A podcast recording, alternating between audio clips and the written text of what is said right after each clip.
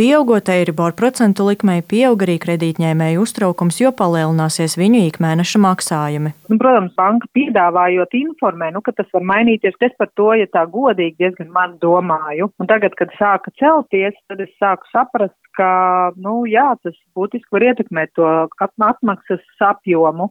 Ar šādu stāstu dalījās sieviete, kurai šobrīd ir hipotekārais kredīts. Viņa atceras, laikā, kad to ņēma, Eiribor likme bija 0%, un, lai gan tad daudz par to nedomāja, tik un tā papildus veidoja arī naudas uzkrājumu.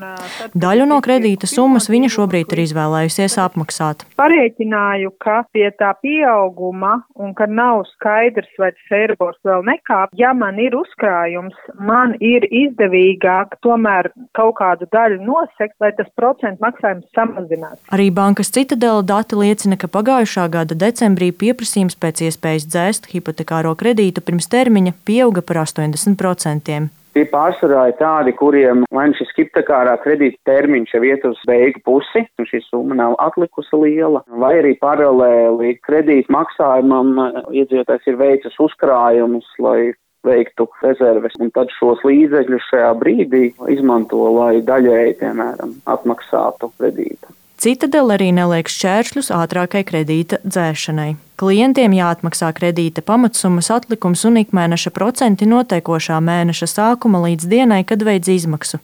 Procenti tiek rēķināti katru mēneša dienu. Piemēram, ja atmaksā mēneša piektajā dienā, tad pamatsumma plus procenti par piecām dienām.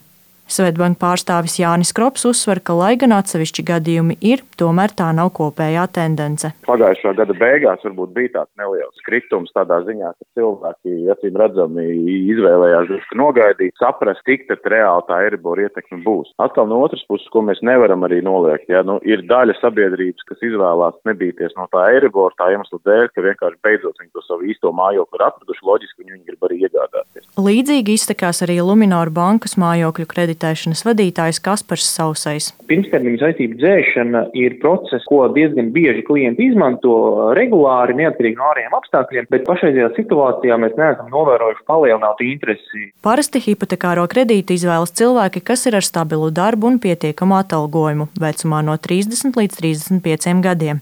Vidēji hipotekārā kredīta summa ir aptuveni 70 tūkstoši eiro. Agnija Lazdiņa, Latvijas radio.